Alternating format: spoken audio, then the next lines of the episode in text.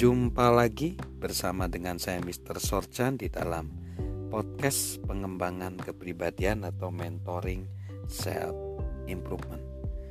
Integritas adalah teman terbaik kita. Integritas adalah teman terbaik kita. Nathaniel Hawthorne, penulis terhormat Amerika yang hidup di abad ke-19 memberikan pernyataan seperti ini tidak ada orang yang selama jangka waktu tertentu bisa mengenakan satu wajah untuk dirinya sendiri dan satu wajah lagi di depan orang banyak tanpa akhirnya bingung nanti mana wajah yang benarnya atau wajah yang sebenarnya.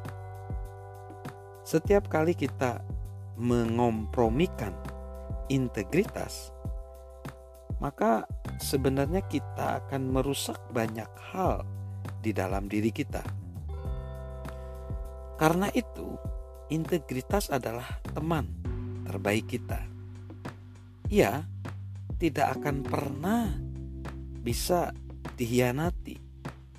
Dan integritas dia akan dia nggak mau kita berkompromi karena integritas adalah bentuk yang sebenarnya dan dia tidak mau dihianati. Integritas memastikan prioritas kita tetap terjaga. Ketika kita tergoda untuk mengambil jalan pintas, ia menolong kita tetap berada di jalur yang benar. Ketika orang lain mengkritik, mengkritik kita secara sepihak, ia membantu kita terus melangkah dan menjaga kehormatan dengan tidak menyerang balik. Tetapi ketika kritik itu benar, integritas menolong kita menerima masukan, belajar darinya dan terus bertumbuh. Abraham Lincoln pernah berkata, "Ketika saya meletakkan tampuk pemerintahan ini, saya ingin memiliki satu teman saja, dan teman itu ada di dalam diri saya." Bisa dikatakan, integritas Lincoln adalah teman terbaiknya saat ia menjawab, menjabat.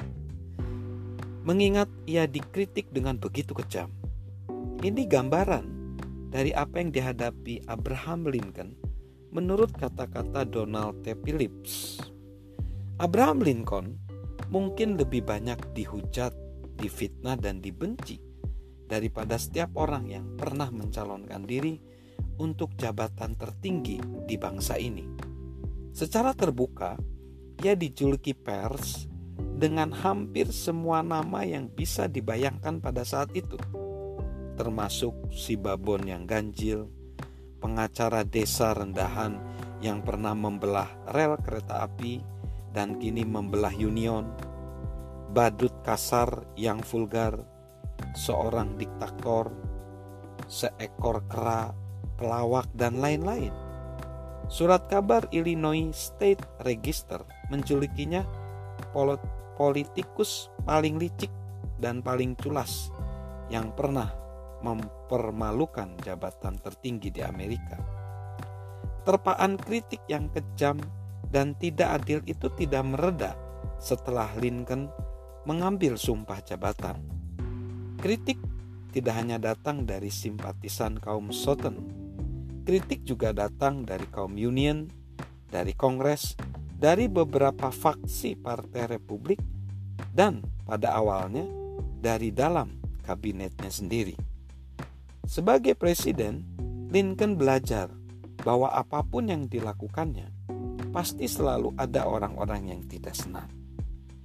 Namun, Lincoln melewati semua itu dengan berpegang teguh pada prinsipnya seperti yang dikatakan dengan bijak oleh Thomas Jefferson. Tuhan mengangkat orang-orang yang berprinsip sebagai pemimpin kita. Itulah Lincoln. Dia selalu menjadikan integritasnya teman terbaiknya sehingga dia kuat melawan terpaan kehidupan. Salam sukses luar biasa dari saya Mr. Sorchan.